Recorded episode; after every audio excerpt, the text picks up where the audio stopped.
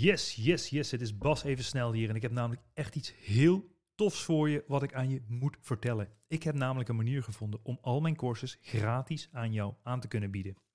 Ik heb meer dan 54 miljoen euro omzet gedaan in de e-commerce. Dus van wie leer je nou liever? Een guru die een auto huurt in Dubai of iemand die meer dan 10 jaar winstgevend is in de e-commerce?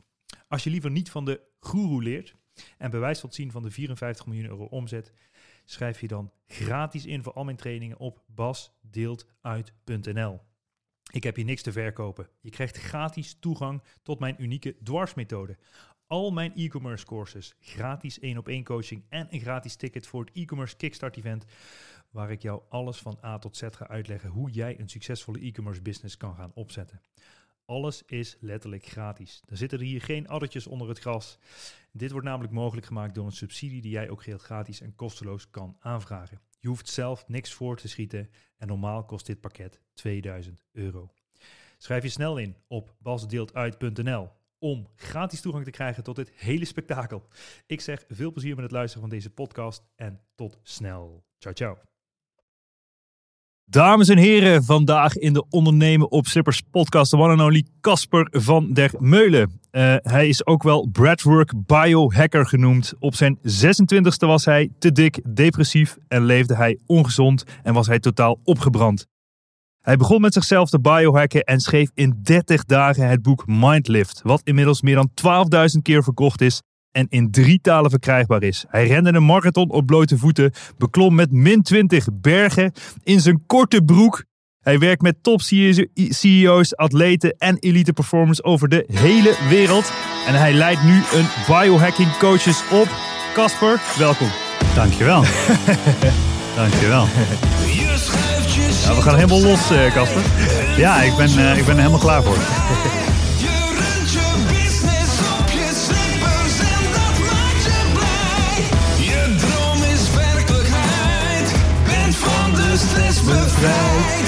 Wauw, vette jingle. Ik ben ook gehoord.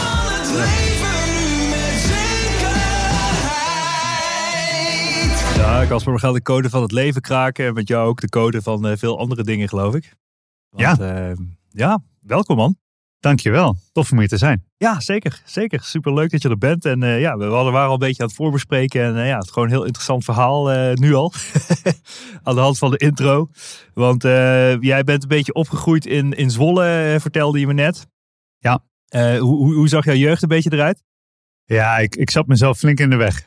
ja? ja, ja, ik had echt ja, vroeger op school, ik werd gepest en ik kon niet goed meekomen en ik kon niet goed uh, leren. Nou, weet je, ik kon heel goed leren, niet, niet op de manier dat het van mij verwacht werd, weet je wel.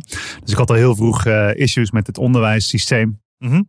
En toen ik ja, in, mijn, in mijn tienertijd besloot ik om daar maar gewoon niet meer aan deel te nemen en gewoon te vertrekken en, en in parkjes te gaan zitten blowen en rondhangen en, en onzin uitvreten. Dat was een hele interessante fase. Ja.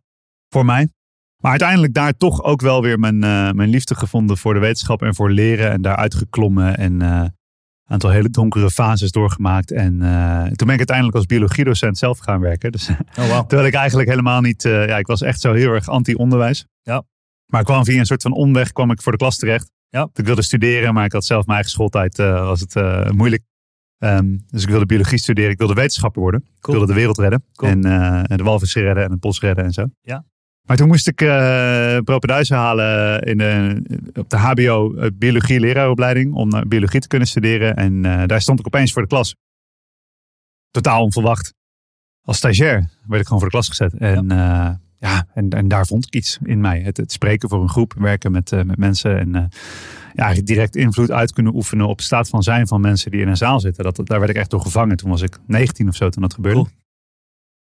En sindsdien ben ik nooit meer voor de groep uh, weggegaan. En heel lang in, ja, een paar jaar in het onderwijs gebleven. En nu uh, ja, als uh, spreker en wow. rondgegaan. Dus het is ja. voor mij een heel, heel pad geweest. Wauw, we gaan daar eens even helemaal doorheen in deze podcast. Voordat ik mijn eerste vraag vergeet. Ik probeer altijd even naar de kern te komen. Mm. En Casper, wat zou je doen als je nog drie maanden te leven hebt? Precies wat ik nu doe. Ja? Ja. ja. En dat is met name mensen helpen. Ja, ja het is mijn waarheid spreken. Um, kijk, ik stel mezelf die vraag elke dag. wat, wat zou ik doen als vandaag mijn laatste dag is? Dus het, echt, het, herinneren van de dood is een van mijn allerbelangrijkste mindset beoefeningen uh, die, ik, die ik echt elke dag toepas. Dus ochtends vraag ik me af van, hey, mijn laatste dag. Oké, wat gaat er gebeuren? Aan het einde van de dag sluit ik af met de gedachte, oké, ik ga nu mijn ogen dicht doen, wat nou als het de laatste keer is. Het is afgelopen. Kan ik dan terugkijken op mijn leven en denken, ja, ik heb, ik heb mijn leven geleefd zoals ik het wil. En uh, tegenwoordig voel ik dan bijna altijd een ja. Zo van ja, ik kan het afsluiten. Dit, dit, dit, dit, is het, zeg maar. Ik heb het gedaan. En als ik, als ik ergens een nee voel, dan weet ik ook waar ik de volgende dag mee ga starten. Dus als ik nog drie maanden te leven had, ja, dan zou ik, um, uh, dan zou ik uh, ja, bijna precies hetzelfde doen. Ja, Misschien wat meer tijd met mijn dochter inplannen, maar daar heb ik al best wel veel tijd mee. Ja. En uh, ik, ik, zit nu gewoon een hele goede flow dat ik eigenlijk al mijn tijd besteed aan de dingen die ik het belangrijkst vind. En dat is lesgeven, mijn waarheid spreken. Ik heb het gevoel dat ik echt iets heb achter te laten in het leven, zeg maar, als ik, als ik weet van ik vertrek. Ja. Dus um, ik sterker nog, waarschijnlijk als ik vanochtend te horen zou hebben van hey, je hebt drie maanden te leven, dan zou ik bellen Bas, uh, we hebben meer tijd nodig, want ik ga de hele, we gaan vijf uur lang vol lullen en proberen alles, alles, vertellen. alles vertellen. Ja. ja. Um, en, en het voelt heel fijn om die vraag op zo'n manier te kunnen beantwoorden. Wauw. Ja. Wow. Maar, maar dus dat vind ik mooi aan jou te horen. Jij, jij denkt hier heel bewust over na. Ja. En um, vind je niet dat mensen wakker moeten worden en hier dat veel meer mensen hier bewust over na moeten denken.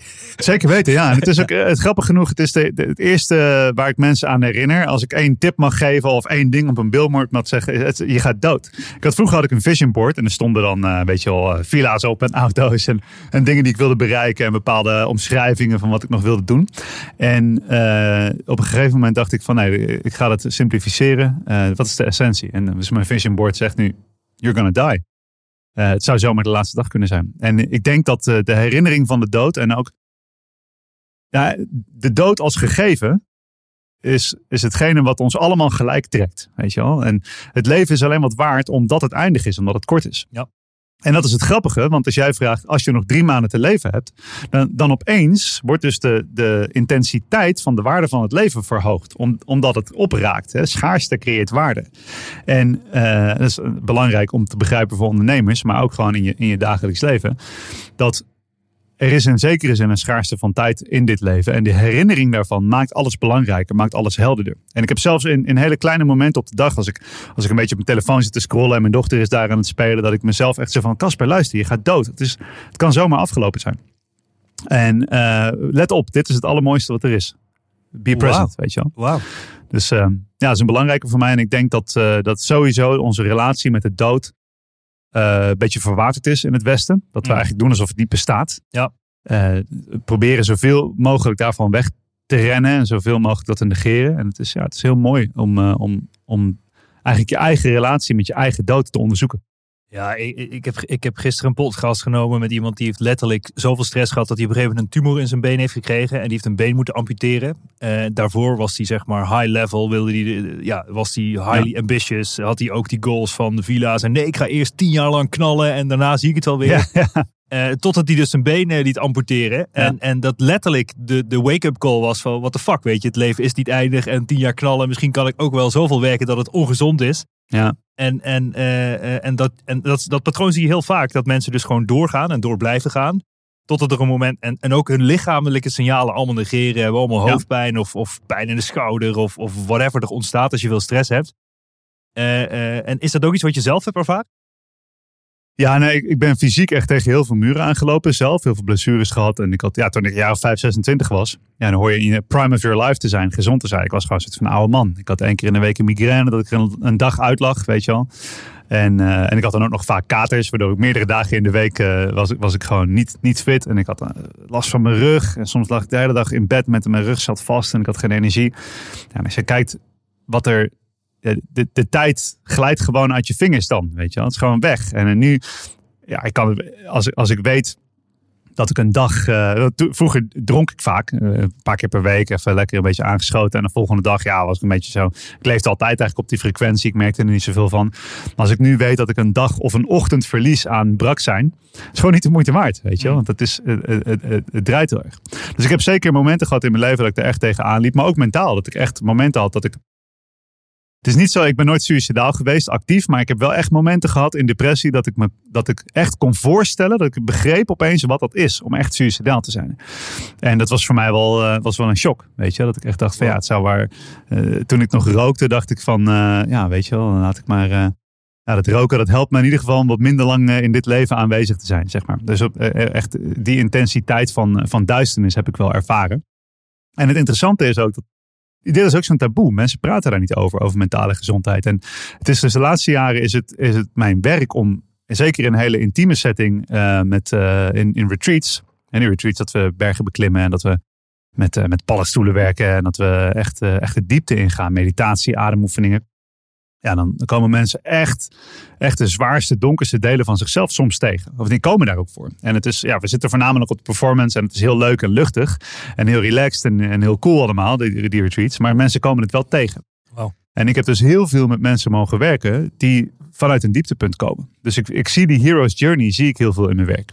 En uh, mensen die bijvoorbeeld chronisch ziek zijn geworden en uh, denken van, oh wat erg, er is me iets aangedaan. En dan realiseren van, oh maar wacht eens even, deze, dit, patroon, dit is een patroon wat ik zelf heb gecreëerd. Ik heb al die jaren niet voor mezelf gezorgd of, of dit niet belangrijk gemaakt.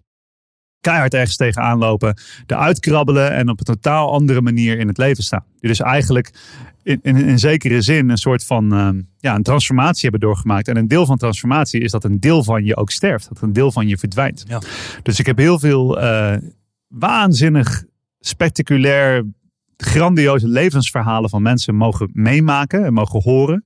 Uh, met hun dieptepunten en, en hoe ze eruit zijn geklommen. En, dus precies dat verhaal wat je net zegt, hè, dat je dan tegen zo'n enorme challenge aanloopt, die realiseert dat de manier waarop je geleefd hebt niet meer werkt. En dan de vraag gaat stellen: hoe kan ik een nieuw leven bouwen?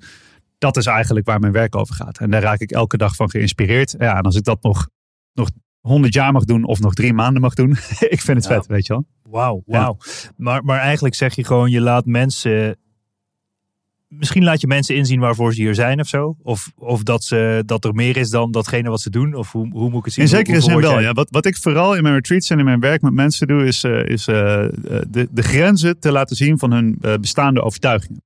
Dus eigenlijk dat je echt tegen jezelf aan begint te lopen. Ja. En dat je gaat merken van ja, op welke manieren dien ik mezelf eigenlijk niet. Op welke manier heb ik een leven ingericht wat totaal niet dienstbaar is aan wat ik het liefste doe. Wat ik belangrijk vind aan mijn, aan mijn hogere doel, hè, aan mijn purpose. Mm. Mm.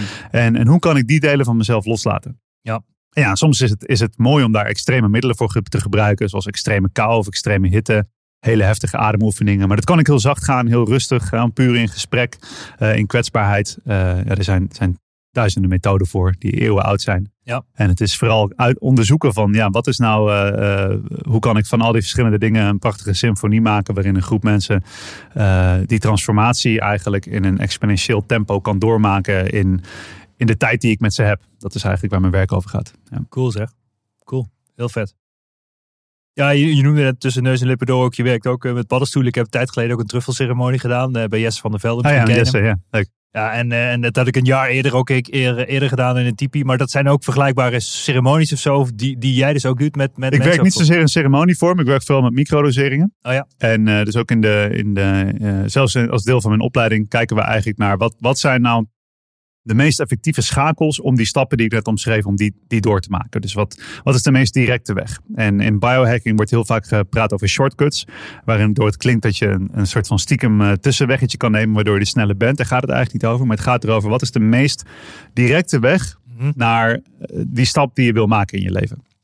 En dat heeft er vaak mee te maken dat je in een andere staat van zijn moet treden dan waar je normaal gesproken in leeft. En de reden dat bijvoorbeeld zo iemand zich het bereid is om zich tien jaar lang op te offeren om maar een bepaald resultaat te behalen, is omdat we worden getraind in de westerse maatschappij om een bepaalde staat van zijn heel nauw vast te houden. En dat is de staat van zijn van productiviteit. En productiviteit, doelgerichtheid, doelmatigheid, geld verdienen, dat zijn mindstates die uh, binnen een hele beperkte bandbreedte plaatsvinden.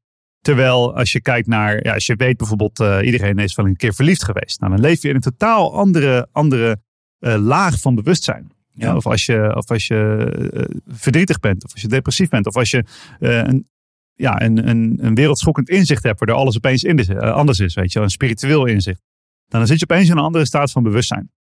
En ik denk dat in, in onze huidige westerse denken, Dus die staat van bewustzijn waarbinnen we productief zijn en doelgericht zijn, die wordt heel zwaar overtraind. Als je, als je kijkt naar mentale staten als een soort van mentale spieren, dan is die spier van ik moet dit nog bereiken, ik moet dat nog behalen, ik moet dit nog doen, dat moet kloppen. Die is heel zwaar als overtraind. Dan. Als dan, ja, heel erg, ja.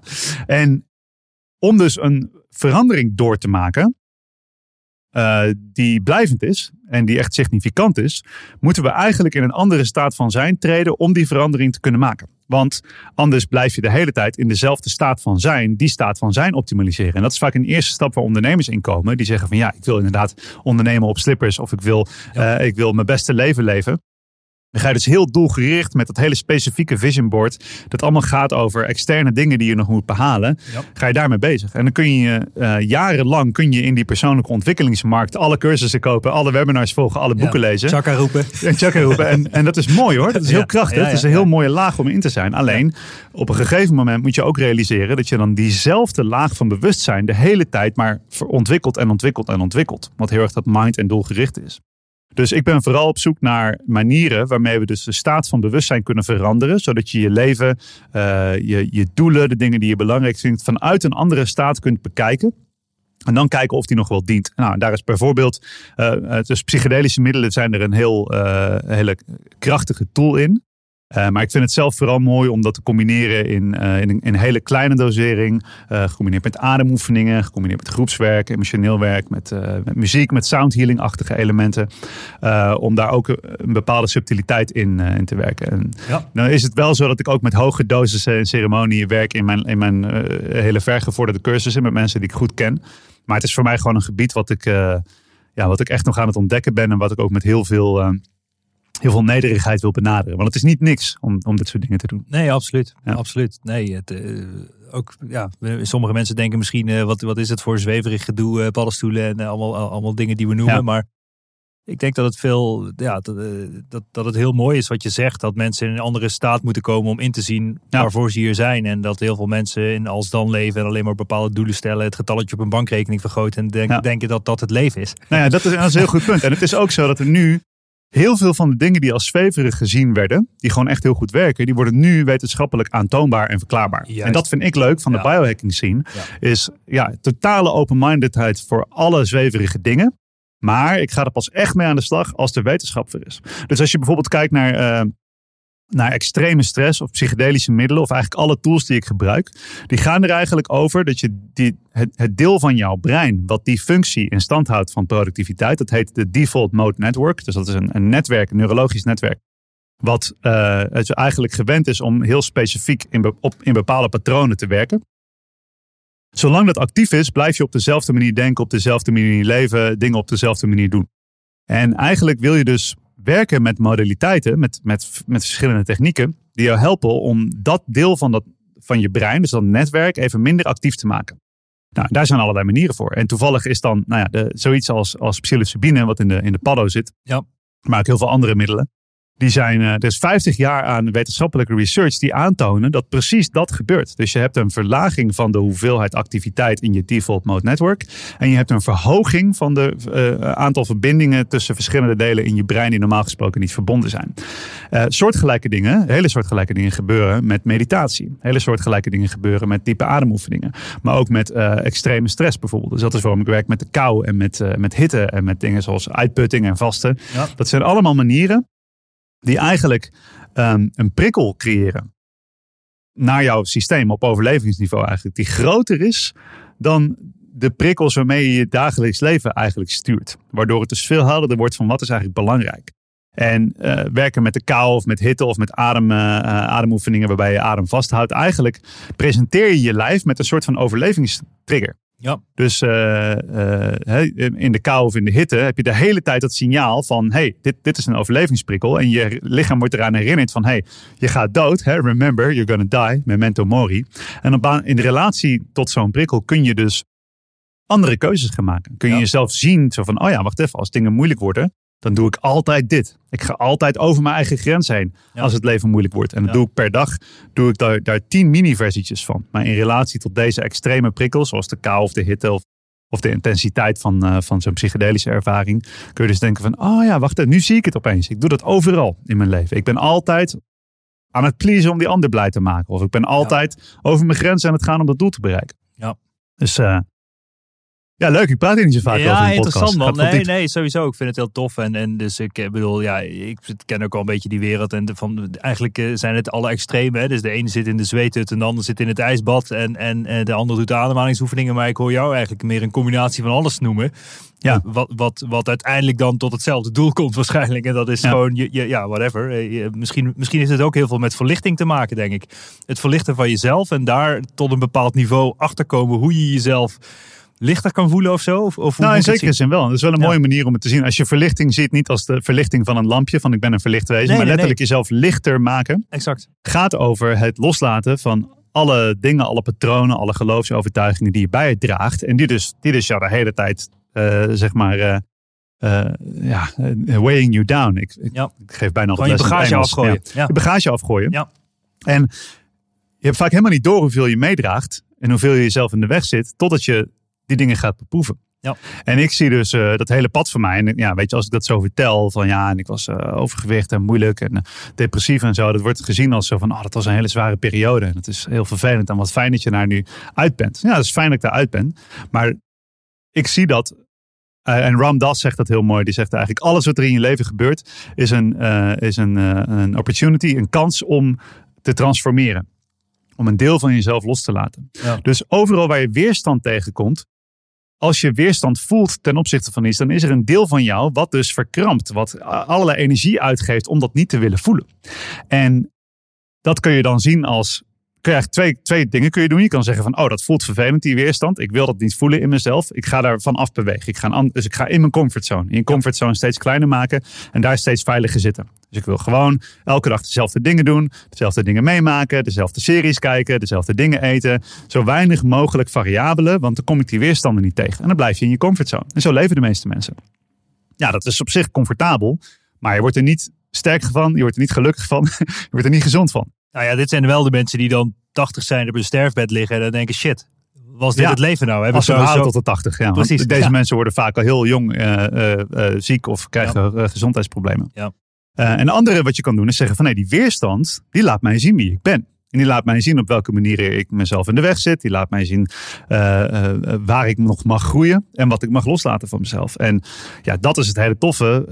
Uh, want als mensen denken aan, dat is het mooie. En ik, ik, ik zie het heel groot staan hier, ondernemen op slippers. Ja. Denk van ja, dat wil ik bereiken. Maar om te transformeren naar iemand die daadwerkelijk op een wit strand kan zitten en kan genieten van het uitzicht en erop kan vertrouwen dat je onderneming draait. Ja. Want een onderneming bouwen die op zichzelf draait, is Ja. niet zo heel ingewikkeld. Maar kun jij als persoon daar zitten en naar, naar de golven kijken of, of naar een vogeltje kijken en denken: wauw, hier gaat het leven over. Ja. En vertrouwen dat je onderneming draait. Ja. Dat is wat de meeste mensen niet kunnen. Ja. Nee, ben ik Dat is 100% veel moeilijker. Nou ja, als ik heel eerlijk ben, ik heb twee jaar lang rond de wereld gereisd terwijl mijn business doordraaide. En, en ik bedoel, ik had toen nog een relatief klein bedrijf, hoe je het ook kon noemen, weet je. Ik bedoel, ik kon echt gewoon eh, eh, overal ter wereld, ik kon gewoon eh, whatever tussen de vier en de vijf k per maand uitgeven zonder dat ik me druk over moet maken. En als je dat overal ter wereld kan, maakt het in principe niet, niet uit. Maar Ja. je hebt wel een business ook die je te draaien hebt. Dus ik had, we, we zijn begonnen met een enkeltje Moskou. Dus enkele reis Moskou en tre- eh, Trans-Mongolië Express genomen. Helemaal door Rusland, Mongolië, Ja. China. Helemaal over land, helemaal door Azië gereisd. Maar was perfect. Alleen het punt dat ik wil maken is... Ik begon die reis en het eerste wat ik deed is wat ga ik allemaal leren. Dus ik begon allemaal luisterboeken te downloaden, Rich Dad, Poor Dad, Cashflow Quadrant, weet je. Ik was gewoon, ik, ik dacht van, ik moet mezelf gaan ontwikkelen, want ik heb nu alle tijd. Eh, eh, maar het punt wat ik mee wil maken is dat je in je hoofd nog zoveel bezig bent, weet je. Ik was wel, je, eigenlijk was ik wel vrij, maar, eh, maar ergens ook weer niet, zeg maar. Omdat je dus precies wat jij zegt, wel naar dat vogeltje op het strand staat te kijken, zeg maar. Maar in de tussentijd denk ik van, ja, laat ik nog even een extra deal maken, want dan, dan, kan, Ja. ik, dan, kan, dan kan mijn business verder doordraaien, zeg maar. Ja, ja, want vrijheid is geen externe omstandigheid. Exact. En dat is een beetje waar heel veel mensen denken van ja, als je denkt aan het, het, het, het minst vrije wat je kunt zijn, is als je opgesloten zit in een gevangenis bijvoorbeeld. En, en dat is zo. Hè? Dus dan ben je in, in alle mogelijke externe omstandigheden ben je niet vrij. Maar de mensen waar we echt tegen opkijken, Nelson Mandela, die, die heeft eh, jarenlang in de cel gezeten, maar die was op een bepaald niveau vrij, waar zijn bewakers niet vrij waren. Nou, dat zijn van die klassieke, hè, dus dat intern namelijk, hè, in zijn geest, in zijn ziel, in weten van dit is wie ik ben en hier sta ik voor. En dat zijn van die voorbeelden die ons inspireren, omdat er een bepaalde kernwaarheid in zit. Om echt te begrijpen van ja, wat, wat is dan vrijheid? Want die omstandigheden hoeven niet te veranderen. Want er zijn ook mensen die gewoon een 9 to 5 hebben in een, in een corporate uh, baan. En dat is wat hun dient. En, en dat is wat hun in staat stelt om zich echt vrij te voelen intern. Ja, en dan heb Mm. je een fantastisch leven. En Mm. dan hoef je niet op een strand te zitten de hele dag. Mm. en te chillen, weet je wel. Dus ik denk dat het... eh, wat, wat ik heel mooi vind aan, ehm, aan de moderne tijd waarin we leven, is dat iedereen eigenlijk de kans heeft om voor zichzelf te onderzoeken van wat betekent dat voor mij. Dat is een hele unieke kans. Ja. Die, die grootste deel van de, van de mensheid, Ja. zeker sinds de agrarische revolutie, niet heeft gehad. Want Ja. je gaat gewoon op het land werken of je gaat gewoon. Het, het, het leger in, weet je wel. En nu zijn we opeens in een fase dat de vraag is van ja, maar wat wil je eigenlijk? Ja. En wat is voor jou belangrijk? Ja, mooi. Nou, dan, dan wil ik het toch met je hebben over die, die transformatie. Hè? Want ik, ik, ik schets net, ik was op reis. Ik was eigenlijk extern vrij. Hè? Want voor de buitenwereld ben ik op reis en ik ben twee jaar lang op vakantie. Ja. Maar het, het, het gaat nu om de transformatie. En daar ben ik de laatste tijd ook steeds mee bezig. Van hoe kun je nou intern vrij zijn? Dat is ook wat jij zegt. Er kan ook iemand van corporate werken. Die kan zich ook vrij voelen. Ja. Maar hoe word je nou intern vrij? Dat je gewoon tussen die oortjes vrij bent. En, en daar heel veel rust, ruimte en, en relaxheid in kan ervaren. Ja, mooie vraag. Dat is een hele mooie vraag. Ja, dus ik denk dat als ik kijk naar, naar, mijn, ehm, naar mijn dochter, die is nu vijf, is aan het opgroeien. Die begon eigenlijk vrij. Dus je komt eigenlijk Ja. vrij op aarde. Als kind. En dan eh, komen er allemaal dingen bij die je leert. Allemaal conditioneringen, allemaal lagen die je vrijheid beperken. En dat is belangrijk, hè? dat is heel functioneel. Want het is helemaal niet handig om je hele leven vrij als een tweejarige rond te lopen en alles maar te proberen. Mhm. Dus je moet dan de, de regels van het leven leren.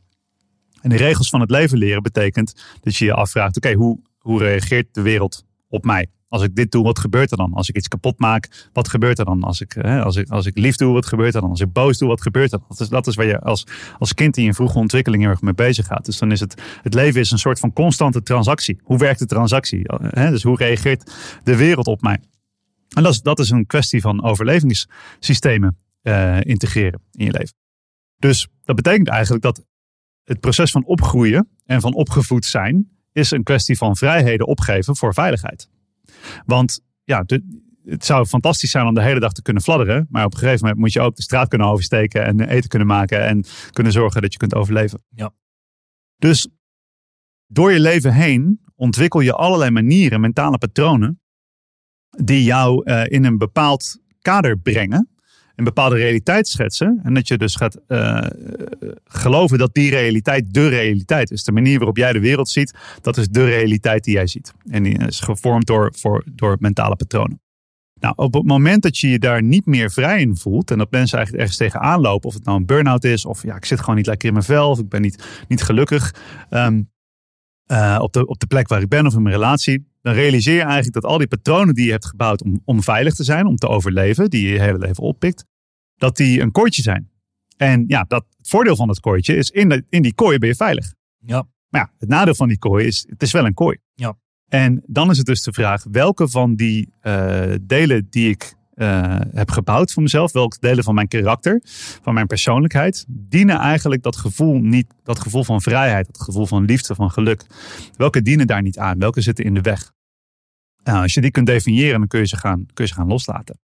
En dus er zitten best wel, best wel diepe vragen in om, om, om naar jezelf te stellen. Van ja, wat vind ik nou eigenlijk belangrijk? Ja. Nou, en eigenlijk de, de vaardigheid die daarin zit, de skill, is het vermogen om een bewuste reactie te kiezen op je omgeving. Dus dat je steeds bewuster wordt van, oh ja, maar wacht even, als ik...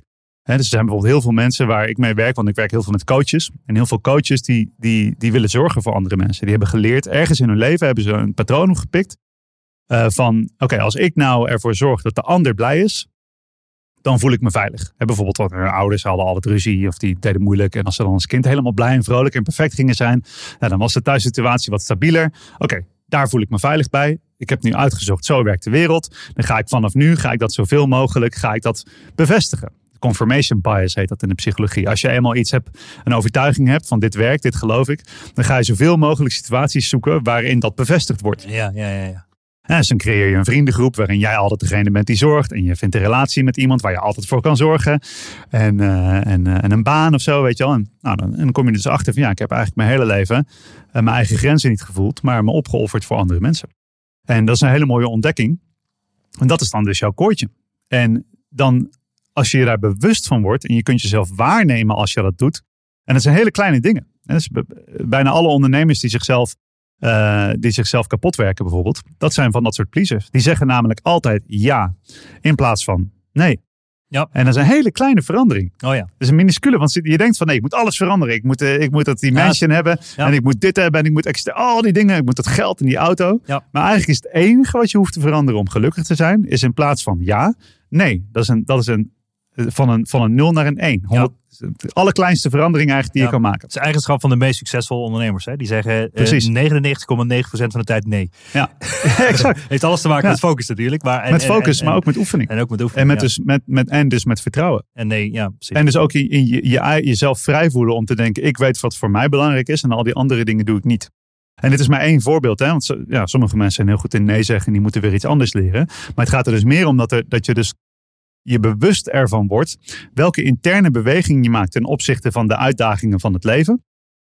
En hoe je dan net die andere stap kan maken, eigenlijk de tegenovergestelde beweging. Ja. En ja, al die extreme dingen die ik noem, van een berg beklimmen in je korte broek en eh, of van een hele grote onderneming bouwen en al die externe dingen, eh, die zijn mooi, die zijn ook belangrijk. Maar het zijn allemaal manieren en allemaal kansen om die hele kleine interne verandering te trainen. Namelijk van nee naar ja, van wel naar niet, hè? van voor jezelf, van voor een ander zorgen naar voor jezelf zorgen. Dat is een kleine verandering. En daarvoor is dus het, het, het bewustzijn dat je dat doet, is de eerste stap. Van, oh, ik loop eigenlijk tegen de muur van mijn kooitje aan. En dan is de volgende stap is gaan oefenen. Gewoon echt elke dag Ja. is zo klein mogelijke vorm manieren vinden om, om die, die nieuwe pad, dat vrije pad, eh, om en dat nieuwe verhaal te gaan vertellen voor jezelf. Ik ben benieuwd hoe je hier naar kijkt. Eh, Want, want eh, weet je, ik bedoel, eh, hoe oud ben je nou? 35. 35, ja.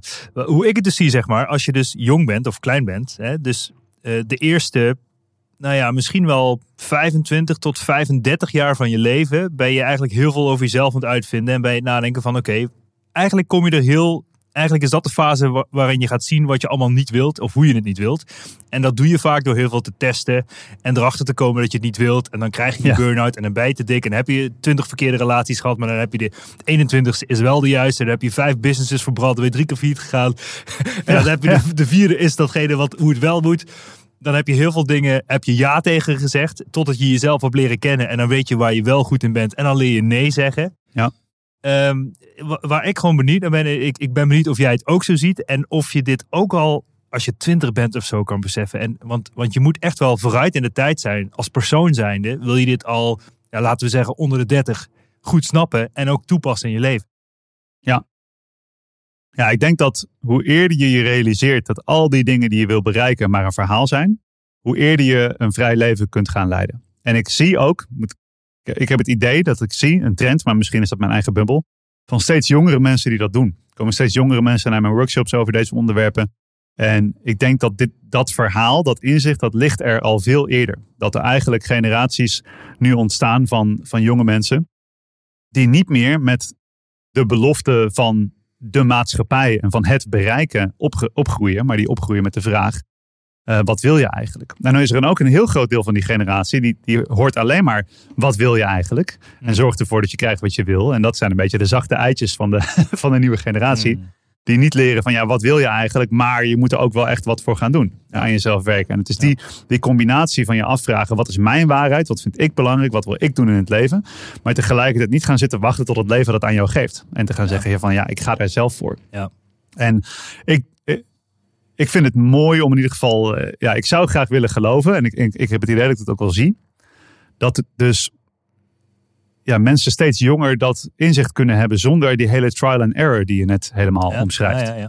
En zonder eerst tegen een muur aan te lopen. Ja. En ik werk voornamelijk met mensen, of eigenlijk alleen maar met mensen die meer in de performance laag zitten.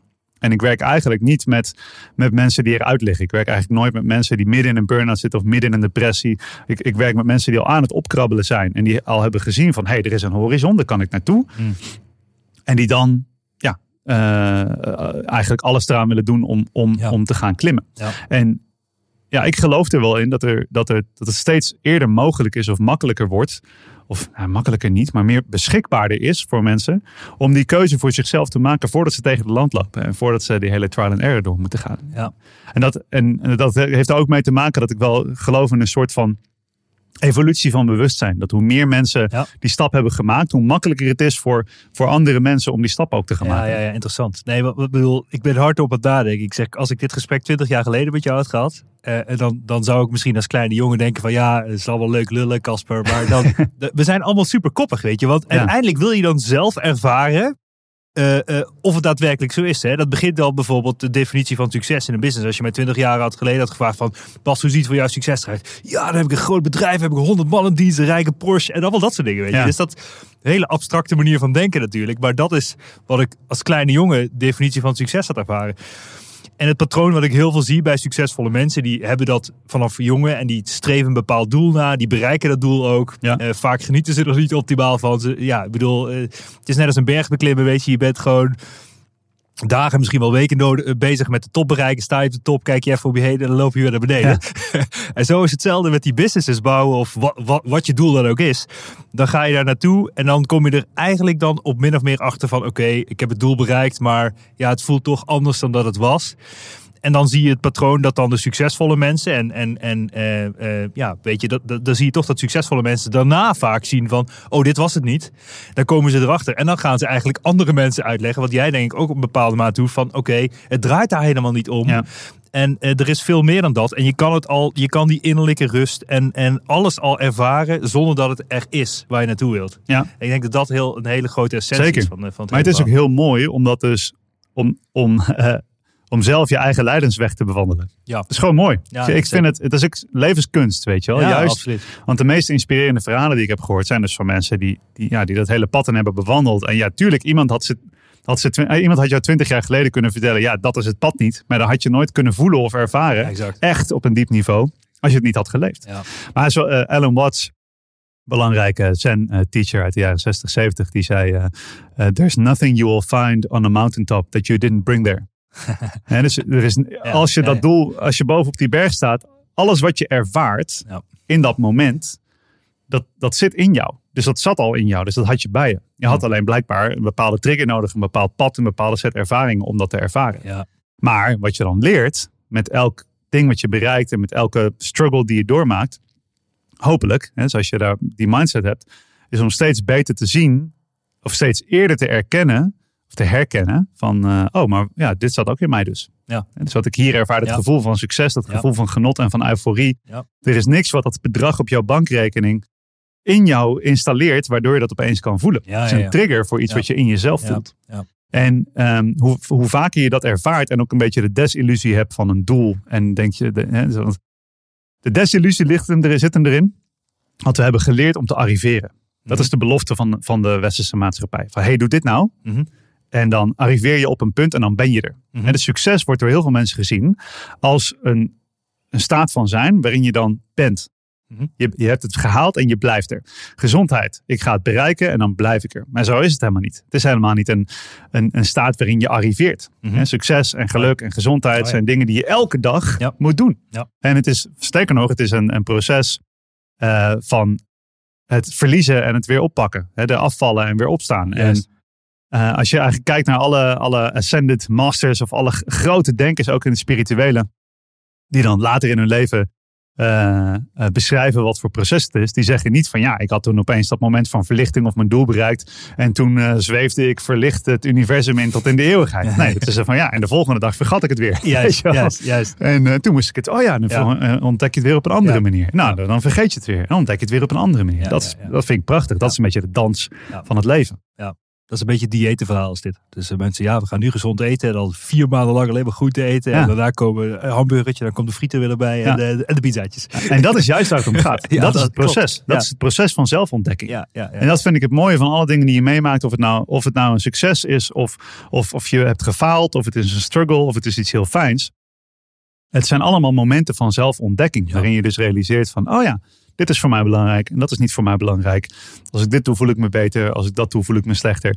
Dus zolang je bezig bent met een, met een doelgeoriënteerd denken. Dus dat je eigenlijk je hele realiteit is gebouwd op, op een dag zal ik arriveren en dan is het goed genoeg. Mhm. En dan ben ik klaar en Ja. dan is het oké Ja.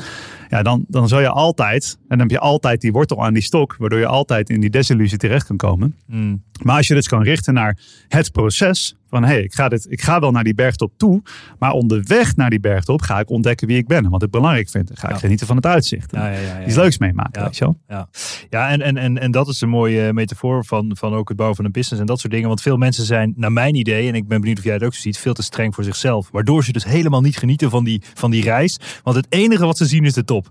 Ja. En in, tijdens die reis is alles verkrampt en moet alles wijken voor, voor het bereiken van de top. Ja. Eh, en, en daarvoor zijn ze veel te streng voor zichzelf. En dan komt er een goed, goed recept voor burn-out en stress en allemaal Ja. dat soort dingen. Omdat ze gewoon, dat het nooit goed genoeg is. En het moet maar door totdat ze op de top staan. En als ze op de top staan, dan hebben ze alweer een volgende, volgende top in gedachten. Ja, en hier is een belangrijke mindsetvraag om jezelf te stellen. hè. Want heel veel van die acties die komen voort, zeker in ondernemers. Wat nou als het niet lukt? Wat nou als het Ja. niet lukt? Ja. En vanuit de gedachte, wat nou als het niet lukt, is het absoluut de moeite waard. Op korte termijn, hè, om tot één uur s'nachts nog die extra e-mails te beantwoorden. Of die, of die offerte of die pitch nog even te fine-tunen. Mhm. En dat wordt ook zo verkocht. Zo van, ja, je moet eh, doorwerken tot je ogen bloeden op je keyboard en dat soort shit. En ehm, als je denkt, wat nou als het niet lukt? Als je denkt vanuit schaarste, dan is dat een hele, ja, dan, dan makes perfect sense. Ja. Want de vraag is, ga je morgen, en als je denkt aan ons, we zijn jager-verzamelaars, we, zijn, we hebben een oerbrein, oerzenuwstelsel. Ja, ja, ja, ja. Natuurlijk, als je niet, als je, wat nou als ik nooit meer te eten krijg? Ja, dan ga ik de hele nacht door om die ene prooi te, te vinden. Want als ik die heb, dan heb ik in ieder geval nog een week om na te denken wat ik dan met, met mijn gezondheid ga doen. Ja. Weet je wel? Dus dat, vanuit een jagersmentaliteit is het natuurlijk is dat, is dat zinnig. En, en is dat een hele heldere valkuil waar we heel makkelijk intrappen. Maar wat ik een mooie vraag vind om te stellen is: wat nou als het wel lukt? Ja. Wat nou als alles wat je wil bereiken Mhm. er in één keer is? Mhm. En je kan dat nog 100 jaar doen. Dus precies Ja. dat wat je het allerliefste wil doen. Ja. En daar word je 100% voor beloond. Wat nou als je dat nog 100 jaar kan doen? Vanaf nu. Hoe oud je ook bent. 100 jaar lang elke dag dat doen. Nou ja, ik weet dan. En voor, mij is dat een soort van gegeven. Ik heb nu een soort van rust gevonden dat ik gewoon weet van wat er ook gebeurt. eh, voor zolang als ik leef ga ik waarschijnlijk dit doen. Gewoon Ja. kletsen over dingen Ja. die ik belangrijk vind. En daar een bepaalde mate van zakelijk succes mee bereiken. Want dat is een bepaald spel dat ik nu ken. Ja. En dat kan ik ook verliezen, maar dan kan ik het weer opbouwen. Dus wat nou als, het, als ik dat nog 100 jaar kan doen? Hoe ga ik het dan doen? Ga ik het dan doen vanuit schaarste, vanuit jagen, vanuit de hele tijd over mijn grens heen gaan, wat ik vaak gedaan heb? Ja. Of hè, stel nou dat er eh, niet, niet eens wat nou als het lukt, wat nou als het een gegeven is, wat nou als het gegarandeerd is dat je alle succes behaalt die je wil. Ga je dan nog steeds je saai. tijd. eh, ja, dat is, dat is in zekere zin. Ja. Maar als je, dat, als je dat weet, inderdaad, hè, Ja. zou je dan nog steeds 60 uur per week werken en je gezin bijna niet zien? Zou je dan nog steeds nachten doorwerken, waardoor je elke ochtend eh eh, 10 espresso nodig hebt en je lichaam de stress moet jagen om wakker te worden? Zou je dat dan nog steeds doen als je, als je succes gegarandeerd was? Mm. Dus ik denk dat de aanname van gegarandeerd succes, die geeft een andere soort motivatie. Ja. En die, die, die, die stelt veel meer scherp. En dat is eigenlijk een beetje dezelfde vraag van wat nou als je over drie maanden... eh, voor mij is dat hetzelfde antwoord. Hè? Dus wat nou als je over drie maanden dood zou zijn, als je Ja. nog drie maanden te leven had. Eh, en wat nou als je tot in de oneindigheid der tijden het succes kan behalen wat je wil. Ja. Dus in zekere zin Ja. heb ik daar hetzelfde antwoord op. En we gaan allemaal niet dood. En we gaan allemaal niet dood. Want dan opeens is er ook een heel ander ding. Van ja, Ja. Dan, ga ik, dan ga ik dus gewoon Ja. zelf mijn dochter van school halen. En de hele middag in de speeltuin hangen met haar. Ja, want dan ik weet toch wel dat het goed komt. Of ik weet toch wel dat ik dood ga. Weet je, dat is in zekere zin hetzelfde, hetzelfde punt.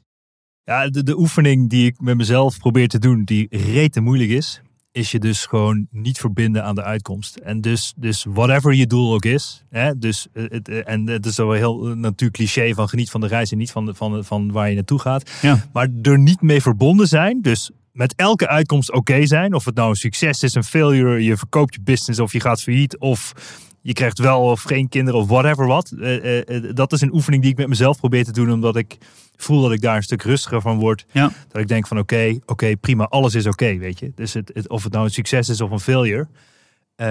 ja, linksom of rechtsom, bij een succes heb je er veel van geleerd en heb je een bepaald succes bereikt. Maar Ja. bij een failure heb je er ook heel veel van geleerd. Ja. Maar is het, ja, en, en dat is ook weer, de, dan is de vraag wat de definitie van een failure is. Ja, absoluut. maar, Ja. maar, eh, maar dat is wel mooi om, eh, mooi om te zien. Ja, dus dan gaat het over identificatie eigenlijk. Dus waar identificeer je mee? en je kunt natuurlijk, je kunt jezelf... Ik vind het fantastisch leuk om mezelf 100% te geven voor een doel. Ik vind het heerlijk. Ja, ja, ja, tuurlijk. Ehm, maar ik identificeer me er niet mee. Ja. Dat doel heeft nooit. Dus er is een bepaalde.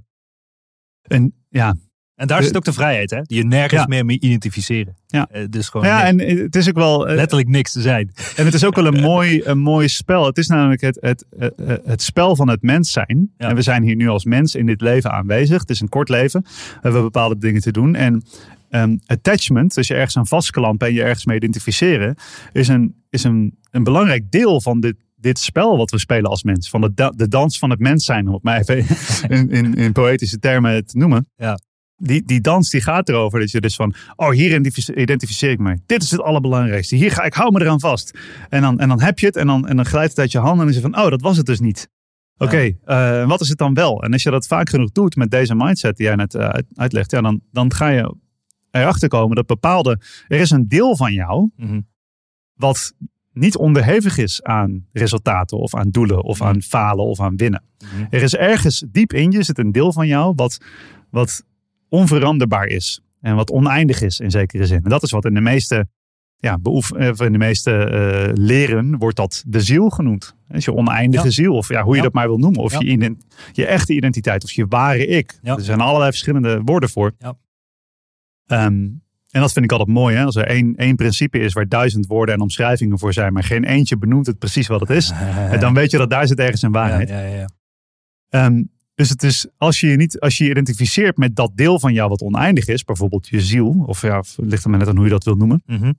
ehm, dan zijn die doelen niet meer een.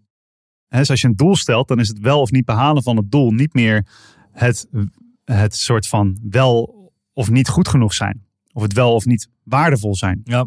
Want als je je identificeert met het deel van jezelf wat altijd goed genoeg is en wat altijd waardevol is en wat Juist. altijd liefde waard is, hè, lovable is, ja. Ja, ja, ja. dan zijn al die doelen, dat zijn dan fantastische spelletjes. Ja, dat zijn fantastisch leuke, eh, ja, leuke, leuke beoefeningen. Dat, Ja. dat is wat het leven kleur geeft om die dingen te doen. Ja, bizar. Maar volgens mij zit, de, zit de, eh, ja, ik noem het maar even de duivel of zo, is eigenlijk je omgeving. Want we zijn toch een soort van kudde. Hè? Dus ik zet jou, als ik jou in een, in een klooster zou zetten, waar allemaal mensen mediteren de hele dag verlicht zijn en, eh, eh, en, en gewoon een heel simpel leven leiden, is de kans heel groot dat jij een vergelijkbaar leven gaat leiden als je daar middenin zit. Ja, ja. Maar als ik jou zet binnen tussen een, in, in, eh, met allemaal ondernemers bij elkaar die allemaal op weg zijn naar miljarden en eh, die van, van nog, meer, nog meer willen maken, Ja. dan is de kans heel groot dat jij dat ook wilt. Ja. En dus op welk niveau je er ook zit, je moet je toch op een manier moet je eigenlijk losweken van de kudde, zo noem ik het maar even, om tot dit inzicht te komen.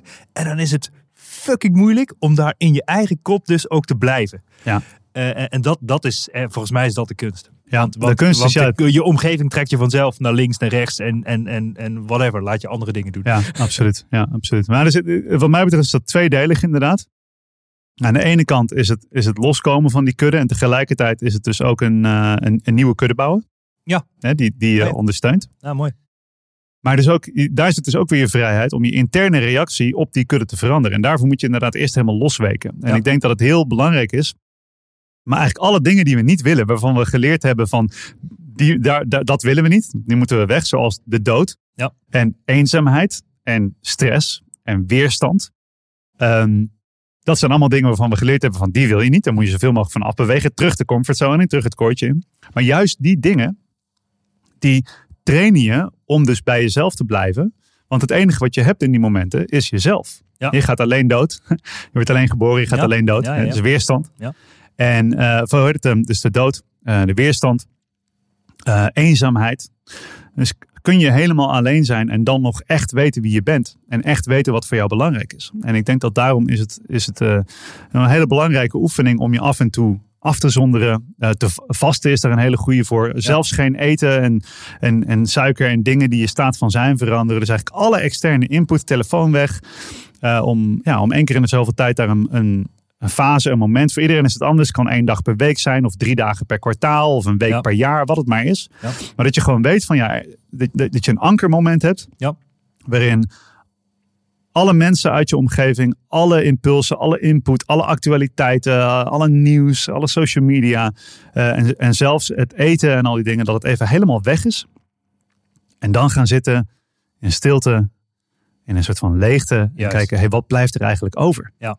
Ja. En, en hoe voel ik me bij wat er overblijft? Ja, ja, ben ik daar oké mee? Kan ik daar oké mee zijn? Ja, ja. Want ik denk dat het heel mooi is om dus daar, wat je daarvan leert, is een vertrouwen waarin je kunt zeggen, oké, alles kan me afgenomen worden.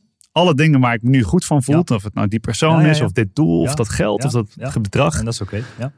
En dat dat allemaal weg is. En dat ik dan ergens nog tot mezelf kan komen en zeggen van, hé, hey, hier, hier ben ik. Ik ben er nog. Ja. Ik besta nog. Ja, ja, ja. Cool. Dus wie ben je eigenlijk als alles afgenomen wordt? Ja, heel, heel mooi, mooi gezegd.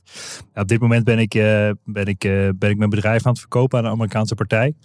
En ik ben al een beetje, ja, zoals je hoorde, al een beetje met, met, met ehm, ehm, eh, hoe noem je dat, spiritualiteit ook een beetje Hm. bezig. En ik heb het voor mezelf gezegd. En ik heb, ik heb dit, dit, deze gedachte heb ik de afgelopen tien jaar al vaker gehad, zeg maar, ook tijdens mijn reis. Maar ik wilde een Vipassana doen. En is eigenlijk een tiendaagse meditatieretreat. En nou, er zijn ook ze- zesdaagse vormen. Maar dat, dat ik heb, ik, ik bedoel, ik, als mijn business verkocht is, dat is het eerste wat ik ga doen, is de stilte in. Me Reflecteren op wat er de afgelopen 10, 20 jaar is gebeurd. Weet je, ik ben ook door burn-out gegaan en dallen en, en allemaal Ja. dat soort dingen. Dat je gewoon, want Vipassana is letterlijk volgens mij vertaald van zien hoe het echt is of zo. Of iets in die Ja. geest. En dat is ook precies wat jij zegt. Hè? Dus je, je gaat de stilte in. Je bent met jezelf. Het maakt niet uit. Alles is oké. ook al wordt alles van je afgenomen. Eh, en, en dat is eigenlijk wat mij betreft dan het hoogst haalbare wat je kan zijn. Is oké zijn met jezelf. Wat er ook gebeurt of wat je ook hebt of Ja. bent. En dat is echt heel mooi gezegd. Heb jij, heb jij dat soort dingen wel eens gedaan? Vipassana nog niet. Ja, Nee. of, of, je, of je trekt jezelf terug in een berghut of zo. Of, eh, Ja, dus ik, eh, ik, ik, ik, ik heb met enige regelmaat, dus een paar keer per jaar, doe ik sowieso drie dagen dat ik ga vasten. En dat ik ook mijn telefoon uitzet. Dat is drie dagen niks eten, alleen drinken. Ja, alleen water drinken. En ehm, ik heb momenten, ik, ik ga vaak zelf in, in retreat. Mhm. En ik werk dan zelf eh, vaak bijvoorbeeld met plantmedicijn of, of met de natuur. En eh, ja, dat, Doe je ook alleen.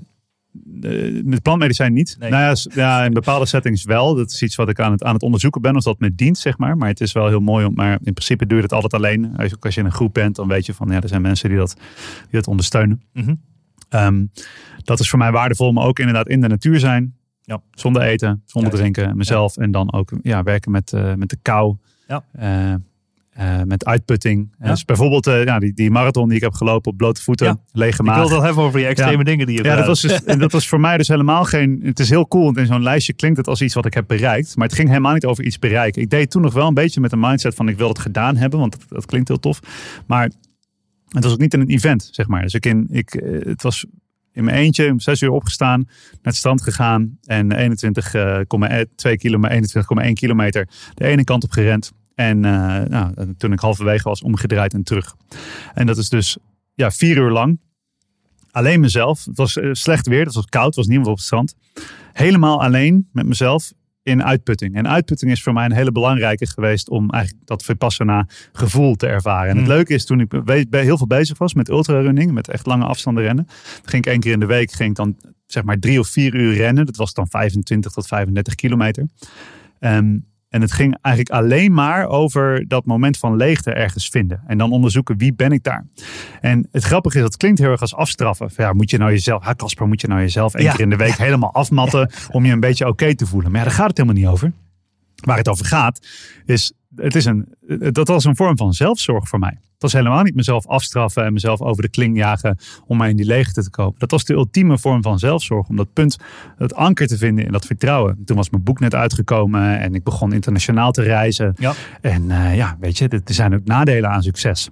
Hè, dat je eigenlijk, 100%. ja, zo, wow, weet je wel, heftig. Heel nieuw leven opeens. Ja. En het waren voor mij ankermomenten. Dus ik heb zeker in die extreme uitputtingen heb ik daar heel veel eh, uitgehaald. Om, oh, ergens zit er ook zelfvertrouwen in. Want ik weet gewoon dat ik op een lege maag, op mijn blote voeten, eh, drie, uur door de drie of vier uur door de regen kan rennen. Ja. En dan, het enige wat ik daarvoor gebruik is mijn eigen mind en mijn eigen lichaam. Mhm. En ik weet dat ik dat kan. En dat Mhm. geeft me een soort van gevoel van zelfvertrouwen. En het gaat dus over het proces. Over wie, wie word ik? Wat ervaar ik in die momenten? Wat doe ik als ik mezelf tegenkom? Als ik, het, als ik echt... eh, ik, ik had één moment, was tijdens een ultrarun. Dat was wel echt zo'n echt zo'n momentje van verlichting.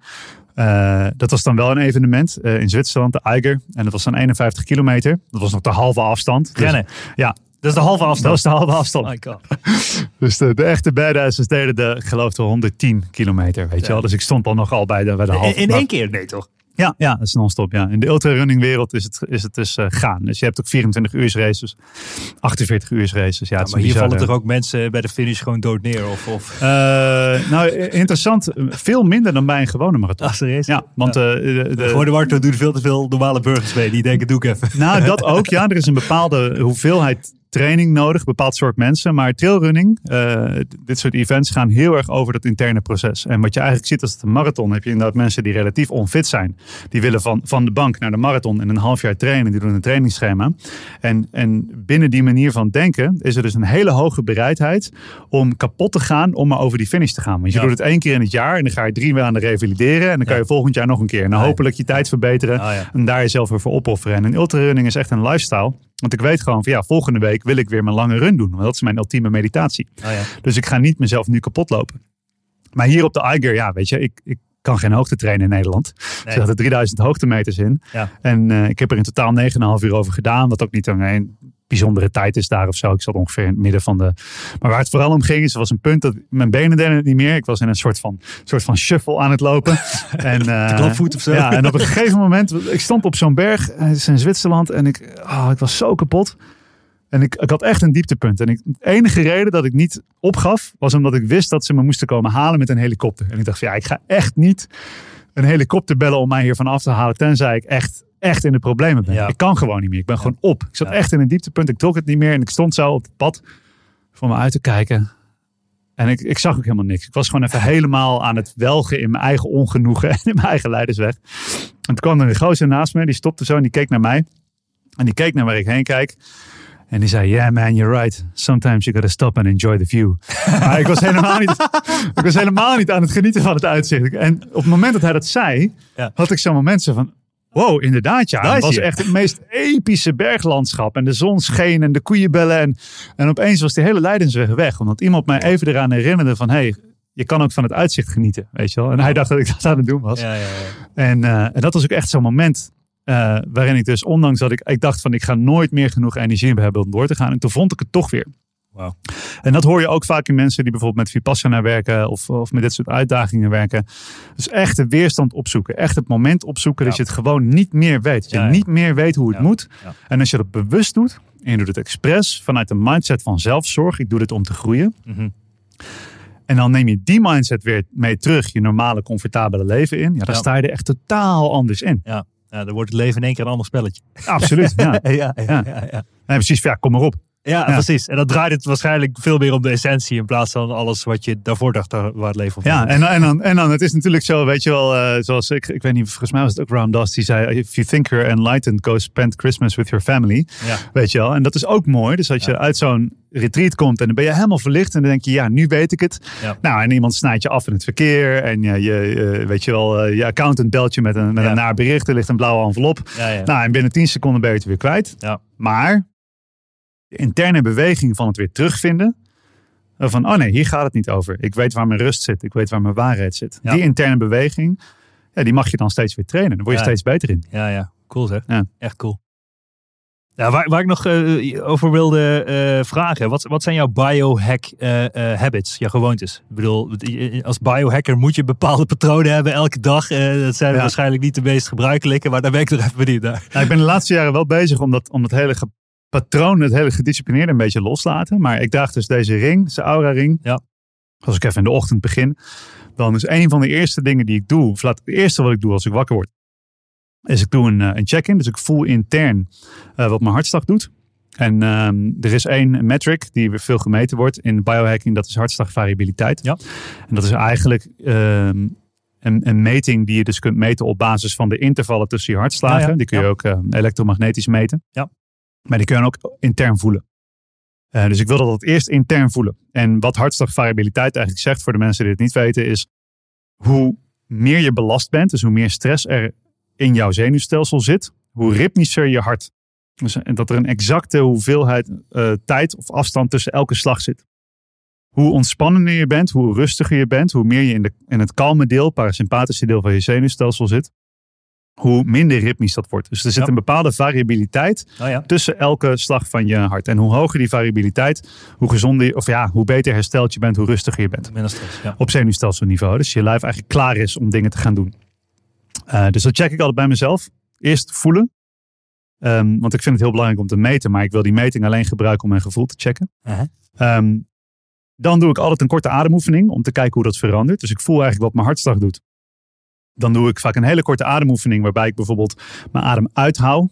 En eh, even tel hoe lang het duurt voordat ik de behoefte heb om te ademen. Die vertelt mij namelijk ook iets. Hè? Dus als je bijvoorbeeld heel snel, als je je adem, Ja. als je stopt met ademen en je voelt heel snel de behoefte om te ademen. Ja. Dat betekent dat je lijf ja, dat is, Ja. dat is stress. En dat betekent dus ook dat je lijf ergens mee bezig is. Er gaat energie ergens heen. Als het heel lang duurt, als ik in totale rust eh, en kalmte eh, een minuut lang mijn adem kan uithouden zonder dat ik daar stress van ervaar, nou, dat betekent dat ik goed hersteld ben, dat ik goed Ja. geslapen heb. Ehm, en dan doe ik vaak een paar eh, hele eenvoudige ademoefeningetjes. Eh, een beetje improvisatie is dat. Ik heb inmiddels een, een toolkit waarmee ik kan werken om te kijken hoe die dingen veranderen. Dus of ik mijn adem kan inhouden en of mijn hartslag verandert. En dan weet ik eigenlijk hoe mijn stofwisseling, hoe mijn motor draait die dag. Dan weet ik eigenlijk hoe ik ervoor sta. Ja. Dan check ik mijn data en die vertelt mij over mijn remslaap, over mijn, eh, hoeveel diepe slaap ik heb gehad.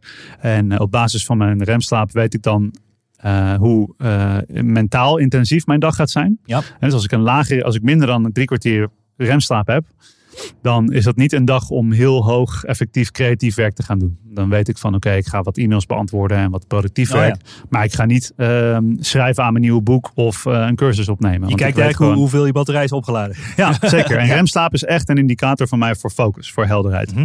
Ehm, en als ik onder een half uur zit, dan heb ik de hele dag brain fog. Dat weet ik gewoon.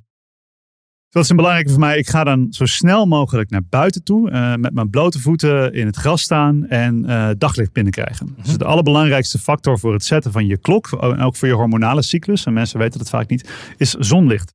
Ja. ochtends word je wakker gemaakt als het goed is door een beetje cortisol. Cortisol wordt gezien als stresshormoon, maar dat is ook het, het, de helderheid, alertheid, wakker worden. En ehm, die interne biologische klok, die 24 uursklok, die begrijpt wanneer moet ik hoeveel energie aanmaken. Die is afgestemd op daglicht. Dus ik ga 's ochtends eh, daglicht binnenkrijgen. En het hoeft geen zon, fel zonlicht te zijn. Hè. Zelfs Nee, als je, eh, Ja, gewoon wolken. als je en- bewolken hebt en je krijgt gewoon daglicht, de frequentie van daglicht binnen, dan is het een hele belangrijke input voor jou, voor je interne klok. Ja. En dus voor hoe je lijf energie gaat maken door de dag heen. Blote voeten in het gras. Dus dat is eigenlijk opladen aan het elektromagnetisch veld aan de aarde. En vaak is het, eh, tenminste de helft van het jaar, is het lekker koud. Lekker Ja, fris. Ja, ja. En eh, dan doe ik daar vaak nog een kleine ademoefening. En eh, dat is ook vaak het moment dat ik me herinner van oké, dit, dit is het leven. Hè? De, zon, Ja, de aarde, Ja. de lucht. Ehm, dit is het. Hier ben ik van gemaakt. Hier gaat het om. Mhm. Ehm, en dan neem ik altijd een momentje, want ik word altijd wakker met ideeën, met plannen, met doelen. Eh, neem ik een momentje om even eraan te herinneren van hé, hey, je gaat dood. ja. Waar, wat, is, wat is het oneindige? Waar gaat het echt om? En om dus eventjes helemaal al die doelen en ideeën los te laten. Ehm, en soms moet ik daar even voor schrijven of dat soort dingen. Ehm, en eh, dan drink ik een liter eh, gefilterd water. Bij een hele chique waterfilter. Onge- ongeveer een liter. Dat is belangrijk, die waterfilter. Echt, eh, er Ja, zijn ja. heel veel verschillende filters. Kunnen mensen checken. Maar Maar er is dus zo- hoe heet dat, Boxy of zo?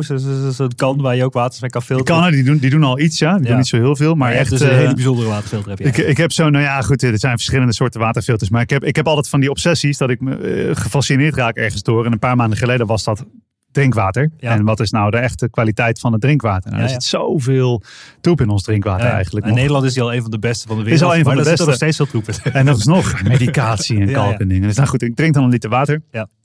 En ehm, dan eh, vast ik de hele ochtend. En dan ga ik eh, aan het einde van het vasten, dus dat is meestal om een uur of twaalf, doe ik hele zware krachttraining. Ehm, maar dat is, eh, ik heb dus een eigen sportschool, dat is een van mijn bedrijven. En eh, daar werken we heel veel met ehm, krachttraining, waarvan je de intensiteit extreem hoog kan opvoeren, omdat er heel weinig techniek in zit. Dus ehm, eh, als je kijkt, sommige oefeningen zijn heel technisch, bijvoorbeeld Olympisch gewichtheffen, wat je Ja. in CrossFit veel Ja, ziet. ja. En als je die heel zwaar belast, dan breng je eigenlijk, kan je daarmee dus je gewrichten in gevaar brengen. En je kunt jezelf die halte kan vallen bijvoorbeeld. Hè? Mhm. Dus ik werk, ik train met, eh, met zandzakken. Ja. Die je gewoon op elk willekeurig moment kan laten vallen en dan gebeurt er niks. Eh, duwen, trekken, dragen. Dus ik draag dan bijvoorbeeld een, een zandzak van 40 kilo en daar ga ik dan anderhalve kilometer mee lopen. Nou, Ja. Dat is 20 minuten Ja, en dan, dan heb je je workout wel gehad. Zeg maar. Ehm, dus hele hoge intensiteit, hele lage technische eh, belasting. Ehm, en zeker op een lege maag kun je dan dus heel erg zwaar jezelf belasten. En als je in die gevaste staat traint, dan kun je om, brand je je laatste suikers eigenlijk op. En dan, uh, nou, dat heeft, dat heeft biochemisch qua stofwisseling heel veel voordelen. En ook qua supercompensatie. Hè. Dus het, met vasten is uh, dagelijks vasten, intermittent fasting. Dus ik, ik Ja. vast meestal zo'n 18 uur per dag. Um, heeft heel veel voordelen ten opzichte van uh, neurodegeneratie. Dus je hersencellen langer gezond blijven. En dat je makkelijk een nieuwe spieren opbouwt. Ja. En uh, dus dan heb ik zo'n 18, 19 uur gevast.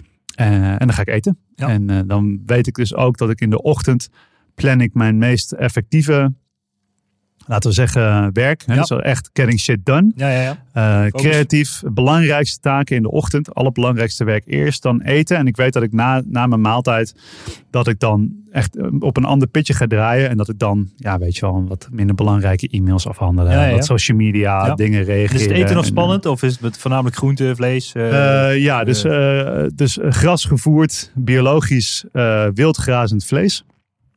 Dat is heel belangrijk voor mij. Ja. Eh, en organen. die koop je online waarschijnlijk bij een of andere... eh, ja, nou, ik, ik ben nu, eh, dit is ook weer zo'n ander ding. Dus ik ben echt, ik heb elke maand wel een ding waar, wat ik weer aan het fine-tunen ben. En ik ben nu bezig met plastic vrij leven. Dus ik koop helemaal geen plastic meer. Dat is een hele Oké. belangrijke voor mij. Ehm, om, Dus je gaat met een bakje naar dus ik ga met een bakje naar de boerderij. slager. Ja, het liefst naar de boerderij. Dus Ja. het is, ik ben nog echt aan het zoeken nu. Ja, dus het is echt ja. een heel deel van mij. Ja. Eh, want ja, ik, ik heb. Eh, als je heel, ja, ik, al jarenlang ben ik bezig met, ik ben heel veel afgevallen natuurlijk, allerlei verschillende diëten geprobeerd. En ehm, er liggen heel veel taboes op vlees eten, en dat begrijp ik ook. Hè? Ja, ja. Want als je kijkt naar nou, gewoon een gewild stukje vlees wat, wat bij, de, bij de supermarkt in plastic verpakt Ja, daar ligt, daar is alles rotzooi. mis mee. Ja. Dat, het, het vlees zelf is rotzooi, dierenmishandeling, bio-industrie. Het is allemaal het heeft niks met voeding te maken. Het is Nee. allemaal, maar ik ben heel erg aan het, aan het kijken van wat, wat werd er nou in de oudheid gedaan met dierlijke voeding. En dat eigenlijk dat stukje biefstuk is nutritionally, dus qua voeding is dat het minst interessante stukje eigenlijk. Wat je eigenlijk wil hebben is de dingen die we nu weggooien. Ja. Namelijk de botten en het bindweefsel Oh ja. en de organen. Oh ja.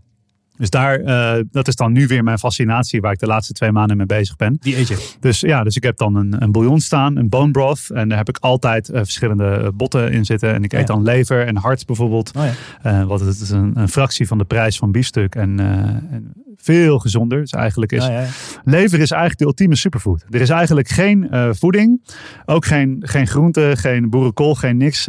wat, wat zo gezond is. Zo rijk is aan, aan mineralen en vitamine als, als lever. Ja, goed, dat, ik heb veel in China gezeten. Daar eten Ja, ook dat ja, dat vind ik dan mooie ontdekkingen, weet je wel. En, en ik heb zelf- dan ook fases gehad dat ik helemaal veganistisch at. Dus Ja. ik ben me heel bewust van alle, eh, alles op het gebied van eh, dierenleed en dat soort dingen. Maar dat is ook voor mij weer een manier om te gaan onderzoeken van... Wat missen we nog? Wat, wat zien we over het hoofd? Dat Ja. is eigenlijk het allerleukste wat ik vind van die biohacking scene. Van waar valt nou nog iets te halen Ja. wat de meeste mensen over het hoofd zien. Dan ga ik in die hoek kijken. En ik kijk ook vaak naar dingen van ja, welke, in welke opzichten voel ik me helemaal comfortabel. En heb ik het gevoel dat ik weet hoe dingen werken. Ja. En dan ga ik daaraan zitten, aan zitten sjorren. Ja, ja, ja, precies. Dat vind ik interessant. Ja, ja, ja. ja. Dus eh, nou goed, dat is dan nu de laatste paar maanden is dat een beetje mijn eetpatroon. Dat ik dus eh, mijn, mijn eetpatroon baseer op vetten. Ja. En dan voornamelijk dierlijke vetten. Ja. En eh, voornamelijk uit bronnen van de dier die de meeste mensen weggooien. Dus eigenlijk het, het, afval. Oh. En nou ja, dus ja, botten zit merg in. En Cool. elastine en collageen. Ja, dat is te gek. Ja, ja, ja. Dus eh, ja, dus ja, in die zin is veel mensen zien dat als een hele bizarre manier van eten. Om dus voornamelijk op vet en op dierlijk vet te draaien. Maar ik vind het wel een heel mooi experiment. Ja, ja. Ja, ik ken toevallig ook iemand, eh Taco Oostkamp, die is ook sinds, sinds een hele tijd omgeslagen naar, hij eet alleen maar nog vlees. Ja. En dan ook hoogkwaliteit vlees, ook wat jij Ja. niet geen supermarktvlees, maar gewoon alleen maar vlees. En Ja. en, ja hij, hij ervaart er ook heel veel voordelen uit door, door dat... eh, En dan wordt zeker de kwaliteit van het. Wordt, eh, dus eigenlijk, wat heeft het dier gegeten? Wat is de kwaliteit Ja, van het ja, leven van het dier? ja, ja, ja, precies. Want als je alleen maar dieren eet, dan is de kwaliteit van het leven van het dier is één op één jouw levenskwaliteit. Dus opeens is het allerbelangrijkste dat is dat dat dier gezond is. En dat betekent dus ook dat dat dier graast in een natuurgebied, wat ook een gezond natuurgebied Oh is. ja, ja, ja. Dus eigenlijk ben je dan op heel veel lagen heel goed voor de, moet je heel goed voor, de, voor het milieu zorgen. Mooi. Om daar goed van te kunnen eten. En dat vind ik interessante, leuke, nieuwe manieren van denken, weet Ja. je wel. Die Ja. anders zijn dan hoe, hoe daar maatschappelijk naar gekeken wordt. Ja, interessant. En het kan zijn dat ik over twee maanden weer op een hele andere manier Ja, ja, ik snap het. Dus, eh, dus blijven experimenteren. Ja, ja, dat vind ik leuk. Ja. Cool man. Hey, eh, we zitten alweer langer dan een uur te lullen. Ah. Eh, ik heb zo meteen ook een eh, personal trainer die voor mij klaarstaan. Als je niks te doen hebt, mag je meetrainen. Heel goed. Nee, ik heb veel te doen. Ehm, eh, heb ik nog iets niet gevraagd dat ik had moeten vragen? Wil je nog iets eruit flappen, gooien? Eh, Ehm, eh, ja, Nee, niet echt. Dit is mijn favoriet soort interview. Waarin Ja. we gewoon heel diep kunnen gaan op allerlei vage Onderwerpen. dingen, Ja, onderwerpen. ja. Dus dat is heel leuk. Dus nee, dankjewel. ja, graag gedaan man. Tof. En waar kunnen mensen meer over je lezen, vinden? Ja, dus ik ben eh, het leukst om te volgen op Instagram. Daar ben ik Ja. het meest actief. Caspers Focus. Casper met een K. Ja. En eh website is mindlift.com voor mijn boek. Ja. En eh, mijn coachopleiding is breathworkmasterclass.com. En ja, dat zijn een beetje de plekken. cool. Ik ga Ja. misschien wel een keertje mee aan de masterclass of zo. Zou leuk zijn. Ja. Ja, zeker. Leuk. Dankjewel man. Bedankt voor je komst. Ja, En ja, wellicht tot snel. zeker. Bedankt voor het luisteren naar de Ondernemen op Slippers podcast. Check voor meer informatie ondernemenopslippers.nl. Tot de volgende keer. Ja, vet verhaal van Casper van der Meulen. Eh, ja, mooie biohacker. Ik vind het echt om te smullen om te zien hoe je nou, nou beter in jezelf kan zitten. En echt het maximaal uit jezelf kan halen. En ook gewoon nog eens lekker in je mind te zitten. Ja, ik vond het weer een mooi verhaal. Ik hoop jij ook. En eh, tot de volgende keer. Dankjewel Casper. Bijzonder graag gedaan. Dit was toch een onwijs gave episode. Laten we eerlijk zijn. Ik vind het onwijs tof. Mocht je nou waarde vinden in deze episodes, check dan ook eventjes mijn LinkedIn, Bas Eurlings. En geef mij gewoon even een persoonlijk berichtje wat je van deze podcast vindt. Nogmaals, ik kan alles gratis aan jou geven. Wil je leren in de e-commerce? Gratis in op één coaching. Gratis e-commerce kickstart event. Ga naar basdeeltuit.nl hoe jij subsidie kan aanvragen door gratis, om gratis toegang te krijgen tot alles wat ik gemaakt heb. Check it out en tot snel. Ciao, ciao.